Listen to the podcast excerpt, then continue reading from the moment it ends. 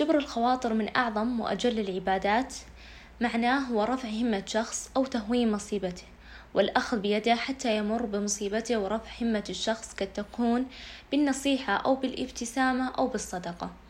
يقول النبي صلى الله عليه وسلم أحب الأعمال إلى الله سرور تدخله على مسلم أو تكشف عنه كربة أو تطرد عنه جوعا أو تقضي عنه دينا. ولن أمشي مع أخ لي في حاجة أحب إلي من أن أعتكف في هذا المسجد شهرا. تخيلوا هذا الأجر العظيم. دائما اسعدوا من حولكم فجبر القلوب في لحظات الانكسار لا تنسى أبدا.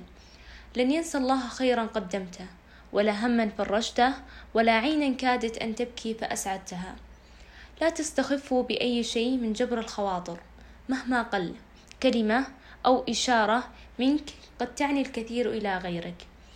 جبر الخواطر عبادة يسيرة ليس شرطا أن تبذل فيها مالا أو جهدا فيمكن أن تتحقق بابتسامة أو بإماطة أذى.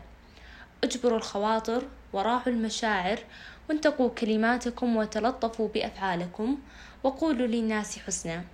أخيرا من جبر خاطر الناس جبر الله خاطره.